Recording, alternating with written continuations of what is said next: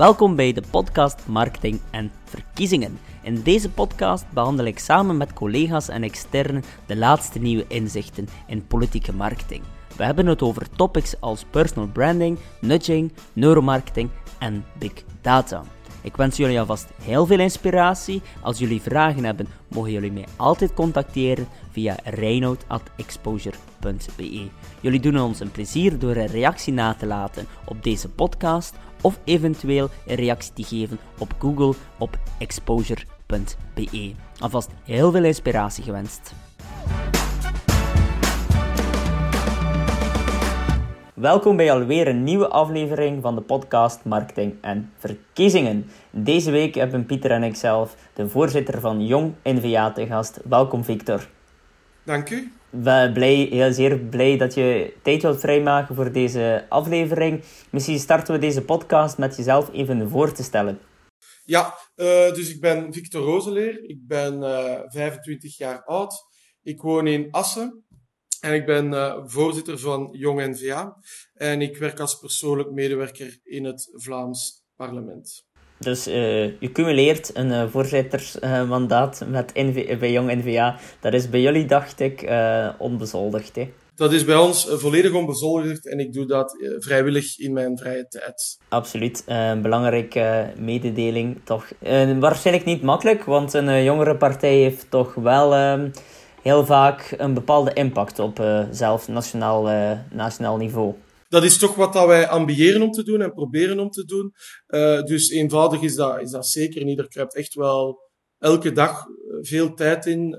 na de uren, maar ook in het weekend, is, is het natuurlijk iets dat, dat constant loopt. En het is wel een, een groot engagement dat je neemt, maar het is uit, uit overtuiging dat je zoiets doet waardoor dat dat geen, probleem eh, is. En het is ook niet alleen ik, er zijn ook veel andere bestuursleden uh, en andere vrijwilligers, ook die niet bestuursleden, die daarbij de engagement opnemen. Dus zowel als, als voorzitter van Jong NVA als eigenlijk in je, je echte professionele loopbaan, dus als, als parlementair medewerker, kom je eigenlijk vaak in contact met sociale media, met politieke communicatie. Doe dan eens uit de doeken. Welke, welke media gebruik jij het vaakst om, om te communiceren, bijvoorbeeld? Ja, dus inderdaad, ik kom, ik kom elke dag op, in allebei die contexten nou in contact met media, maar ook met heel veel met sociale media. Mij, voor mij persoonlijk gebruik ik heel, heel veel Twitter. Voordat ik voorzitter was, was dat heel, was ik eerder, ik denk dat ze dat een lurker noemen. Ik las heel veel op Twitter. Ik retweette en likte ook wel wat, maar ik, uh, ik had minder de behoefte, de behoefte om, om er echt heel veel op te zetten. Af en toe deed ik dat wel. Maar ik was vooral iemand die Twitter gebruikte als een, als een nieuwsmedium en als een, als een kanaal. Uh, en verder ben ik ook iemand die ja, Facebook blijft volgen. Instagram, dat heeft bij mij nooit echt helemaal uh, gepakt. Wist, dat is nooit echt uh, een, een, een, gewoonte geworden als ik mijn smartphone neem om, ik ga, ik, ga, op Instagram wat gaan scrollen. Dat is eerder, ik ga daar bewust naartoe als ik iets gehoord of gezien heb van uh, er is daar iets gebeurd, uh, dan ga ik wel eens kijken. Maar dat is eigenlijk veel minder dan, dan de andere kanalen. En bij Jong NVA proberen we overal uh, actief te zijn op, met de accounts van, van Jong NVA, zowel Facebook, Twitter, Instagram. proberen we overal wel aanwezig te zijn. Mm. En wat ja, een vaak terugkerende vraag als het gaat over sociale media en, en politiek is, is ook een stuk het ethische vraagstuk. Um, ja, in hoeverre zijn sociale media een vloek of een zegen? Wat is jouw mening daar, daarover? Ik denk dat het vooral een, een zegen is. Zeker als, als jongere partij biedt het u wel de kans om, om een rechtstreeks contact te hebben met het publiek en het breder maatschappelijke debat. Wat dat vroeger, denk ik, minder het geval was of veel moeilijker was, waardoor dat je niet over heel veel thema's je zich kwijt kan. Het is natuurlijk ook een, een uitdaging, want bij elke mogelijkheid volgt ook een, een, een verwachting. En het is natuurlijk wel zo dat we die verwachting ook moeten proberen inlossen en, en van die opportuniteit gebruik maken. Dus ik denk vooral een, een, een zegen, of voor, of voor Jong NVA is het vooral een zegen.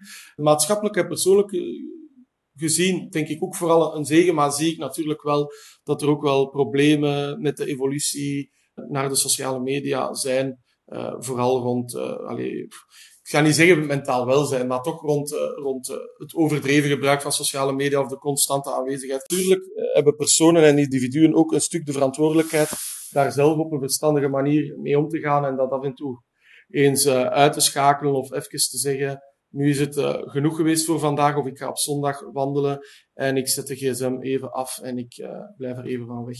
Ja, want jij bent professioneel eigenlijk vaak bezig met sociale media en dan nog eens als, als voorzitter van Jong NVA ook. Hoe ga jij daar dan mee om? Kan jij de, de knop omdraaien en zeggen, nu uh, gaat mijn gsm aan de kant? Dat is, dat is niet evident, maar ik probeer dat wel te doen. Dus overdag volg ik het wel heel vaak, heel, heel veel en heel intensief. Maar op een, op een gegeven moment, uh, vooral s'avonds tussen 9 en 10 uur, probeer ik wel te zeggen, oké, nu, uh, nu gaat mijn gsm wel even af. En probeer ik toch nog een uur of twee uur iets anders te doen. Uh, tv te kijken, spel te spelen, boek te lezen, maakt niet uit wat. Maar uh, even niet mee bezig zijn, zodanig ook gewoon voor, ik, ik merk dat dat goed is voor te kunnen slapen daarna, uh, dat dat ook wel helpt. En in, in het weekend, als ik, ik ga bijvoorbeeld heel graag gaan wandelen in Ardennen, dan zeg ik ook, oké, nu, nu even niet. Uh, op die twee uur uh, zal er wel niets gebeuren. Ik kom wel, uh, ik kijk straks wel en ik volg straks wel. En uiteindelijk is het, kan dat ook wel geen kwaad. -hmm. Je bent al enkele jaren actief binnen Jong NVA. Ik vermoed dat dus je ook wel al enkele jaren actief betrokken bent binnen de communicatie van de jongere partij. Je hebt sowieso ook ervaring als parlementair medewerker, waarvoor een parlementair uiteraard communicatie ook cruciaal is. Uh, wat zijn volgens jou zo, op basis van jouw ervaring, de best werkende technieken op, op sociale media? Wat heeft voor jou het meeste impact? Ik denk dat het weinig nieuws is of, of, of geen uh, verrassing is als je, als je uh, dat gewoon de actualiteitswaarde eigenlijk heel belangrijk is. Eén, dat wat je, wat je vertelt aansluit bij de actualiteit, daarvoor niet te laat komt, niet te vroeg komt, maar dat het, uh, het, het probleem, of het moet niet altijd een probleem zijn, dat er uh, oren naar zijn op dat moment, dat er een publiek voor is naar dat moment. En dan twee, dat je ook uh, in je communicatie nieuwswaarde hebt en brengt, dat er, dat er toch een element is dat nieuw is voor het publiek, wat dat interessant maakt. Ik denk dat als je die twee hebt, dat je, dat je een goede communicatie hebt. En dan misschien eigenlijk ten derde, wat, uh, wat ik wel belangrijk vind of ook probeer te doen, is, is uh, humor gebruiken. Ik denk dat als, als dat er ook nog eens bij kan, uh, des te beter. Het hoeft niet altijd heel droog gebracht te worden. Het mag ook wel eens met een knipoog en een kwinkslag en die boodschap zal ook wel zal ook goed overkomen. Ja, ik herken alleszins een aantal dingen die wij ook vaak aanbevelen in onze workshops, of als wij gevraagd worden als consultants. Dus dat, dat, is, dat is interessant om dat, om dat terug te horen. Nu, deze podcast wordt opgenomen na een, een drukke zondag in, in de Brussel en Antwerpen, na een aantal manifestaties voor de Black Lives movement. Nu, mijn, mijn vraag aan jou, als je dan ziet wat er op Twitter de afgelopen dagen allemaal verscheen, blijf je dan ook uh, erin geloven dat inpikken op die actualiteit en daarop meegaan, dat dat in het voordeel kan zijn van, uh, van een politicus?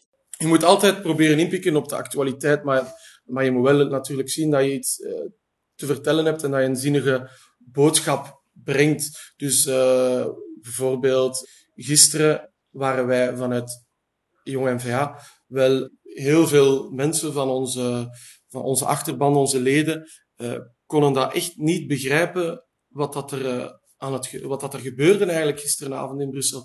Uh, en dan is het wel goed dat je dat, dat, je dat ook vertelt, dat je dat, dat ook meldt, dat je die, die boodschap wel geeft. Ik denk dat veel mensen dat niet konden begrijpen, zonder daarmee iets, iets te willen vertellen over, over de, het, de inhoud van de, allee, de boodschap die, die de betoging wou brengen. Die verdient een debat op zich eh, en die kan ook gebracht worden. En ze hebben dat ook gedaan met bijvoorbeeld de sociale mediacampagne met de zwarte foto's vooraf. Maar het, het dan bijeenkomen zo massaal uh, in, in, in tijden waar dat er een virus zich verspreidt, daar kan ik eigenlijk heel weinig uh, sympathie voor opbrengen of of toch begrip voor opbrengen dat dat een goed idee is. Ik denk dat er in deze tijd van sociale media, we hebben het hier over, alternatieve campagnemogelijkheden zijn. Ik denk dat er uh, op mijn creatieve manier dat je ook een sterk signaal kan geven en, en, en dat het op uh, het aanpakken op die manier, na, nadat we zo'n strijd tegen dat virus hebben gevoerd, echt niet, niet oké is. En, en ik versta dat daar heel veel boosheid over is ontstaan op sociale media. Dat versta ik heel goed. Mhm. En uh, laten we nog even terugkeren naar het ethische vraagstuk omtrent uh, vloek of zegen. Ja, we krijgen regelmatig ook vragen over, oké goed, microtargeting, als we kijken naar, die, naar de States, uh, dan zien we daar heel vaak ook buitenlandse invloed. Dan denken we bijvoorbeeld aan wat, wat vaak wordt gezegd, Russische inmenging inmenging. Ook, ook die technieken zijn ook mogelijk in België. Je kan, je kan heel ver gaan. Je, ja, je kan ook op een zeer onethische manier dergelijke online tools gebruiken. We staan vandaag nog maar in de kinderschoenen op dat vlak. Heb jij zelf bepaalde ethische principes of ja, daarvoor niet gebeiteld in een steen, maar gewoon een paar zaken die je zelf hanteert. Van kijk, uh, er is voor mij de grens of, of, er is, ja, hier wil ik mijn oppositie niet uh, in meegaan tenminste. Heb je bepaalde regels daarvoor? Goh, ja, je probeert bij te dragen aan het debat, maar je probeert niet bij te dragen aan het probleem. Je probeert ook met je communicatie bij te dragen aan, aan, aan de oplossing. En, en dat kan zijn door uh, kritisch te zijn ten opzichte van zaken die gebeuren, maar dat moet even goed zijn door oplossing aan te reiken en door op een positieve uh, manier uh, uw alternatief naar voren te schuiven. Dus ik denk wel dat dat eigenlijk een beetje uw, uw sleutel moet zijn en dat je zelf moet zien dat wat dat je zegt, dat je daarachter kan staan en dat je daar jezelf comfortabel en, en, en goed bij voelt. Ik denk dat dat een heel belangrijk principe is. Dat als je uh, dat je al achter alles wat je zegt en de manier waarop je het zegt, dat je daarachter staat. En, en dat je dus ook ja, proportioneel reageert uiteindelijk. Dat als er, iets, als er iets is dat je echt heel ernstig tegen de borst stoot, mag je dat ook zo, zo zeggen en, en zo over communiceren. Maar als het iets minder is, reageer proportioneel. Ik denk dat dat, uh, dat dat ook wel een element is dat daarin aan bod kan komen. En zijn er bijvoorbeeld uh, zaken waar jullie naar microtargeting, waar jullie nu al van zeggen van kijk, zo ver gaan we niet? Of zijn dat zaken waar jullie intern uh, van case tot case over nadenken? Hoe bedoel je dan microtargeting? Nou, welke doelgroepen bedoel je bijvoorbeeld? Of? Bijvoorbeeld, in, in Nederland zijn er partijen die bijvoorbeeld, of politici die zeggen van wij targeten nooit naar, naar personen onder de 20 jaar bijvoorbeeld, of onder de 18 jaar, of onder de 16 jaar. Dus uh, zijn dat zaken waar jullie bijvoorbeeld rekening mee houden? Het is, het is zo dat wij natuurlijk als jongere partij wel naar jongeren communiceren. Maar dat, is, dat, dat gaat ook tot een, eh, een zekere leeftijd van, ik denk rond de 15, 16. Dat is niet echt bewust targeten, hè? dus niet uh, los van advertentiebudgetten en zo. Ik bedoel gewoon inhoudelijk content gewijs wat dat aanslaagt bij welke doelgroep. Maar ik denk niet dat dat vreemd is dat je als jongere partij specifiek ook op, op jongeren uh, richt, zeker jongeren die politiek geïnteresseerd zijn. Ik ben ook uh, actief geworden op mijn, op mijn 16, dus ik vind dat dat zeker moet kunnen, dat je, dat je die probeert mee te nemen in je communicatie en te betrekken. Uh, en dat je die eh, ook probeert, ja, dat is dan eerder rond de leeftijd 18, 19 als mensen beginnen te studeren, maar mag ook ervoor, geen probleem, activeren binnen uw werking en, en mee op te nemen in besturen. Ja, en uh, maken jullie eigenlijk gebruik van uh, Facebook advertising als jongere partij? Want natuurlijk, jullie, jullie kregen geen uh, donaties van een aantal parlementairen in jullie, in jullie partij, jullie jongere partij. Dus voor jullie is de budgetair uiteraard uh, een, een, een uitdaging. Of ja, hoe gaan jullie dan vooral communicatief te werk? Wat is jullie concentratie of jullie belangrijkste kanaal? Is het dan advertising of proberen jullie eerder via ambassadeurs, eigen leden, uh, eigen kanalen eigenlijk dan de owned media en niet de paid media te werken? Voor, voor alle tweede eigenlijk. Dat gebeurt wel, maar uh, ik denk dat dat heel sporadisch is. Ik, ik, kan het eigenlijk zelf niet exact, exact zeggen. Maar uh, het is echt wel vooral uh, via eigen achterban en via, eigen, via het eigen platform dat we hebben, dat we communiceren. Oké. Okay. Pieter, je had nog een vraag? Ja, ik had ook nog een vraag. Iets waar we al een, een paar keer in onze podcasts over, over gebabbeld hebben.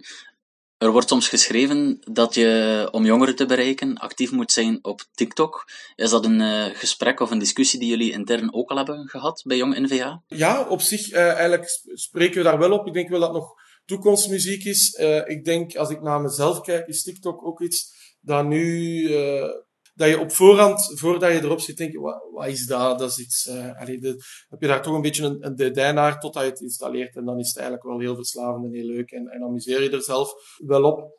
En leer je jezelf ook, ook kennen aan de, aan de dus er zitten ook algoritmes achter en dan zie je wel heel rap wie je bent, want dan uh, heb ik al opgemerkt dat mijn TikTok toch iets anders eruit ziet dan die van mijn vriendin.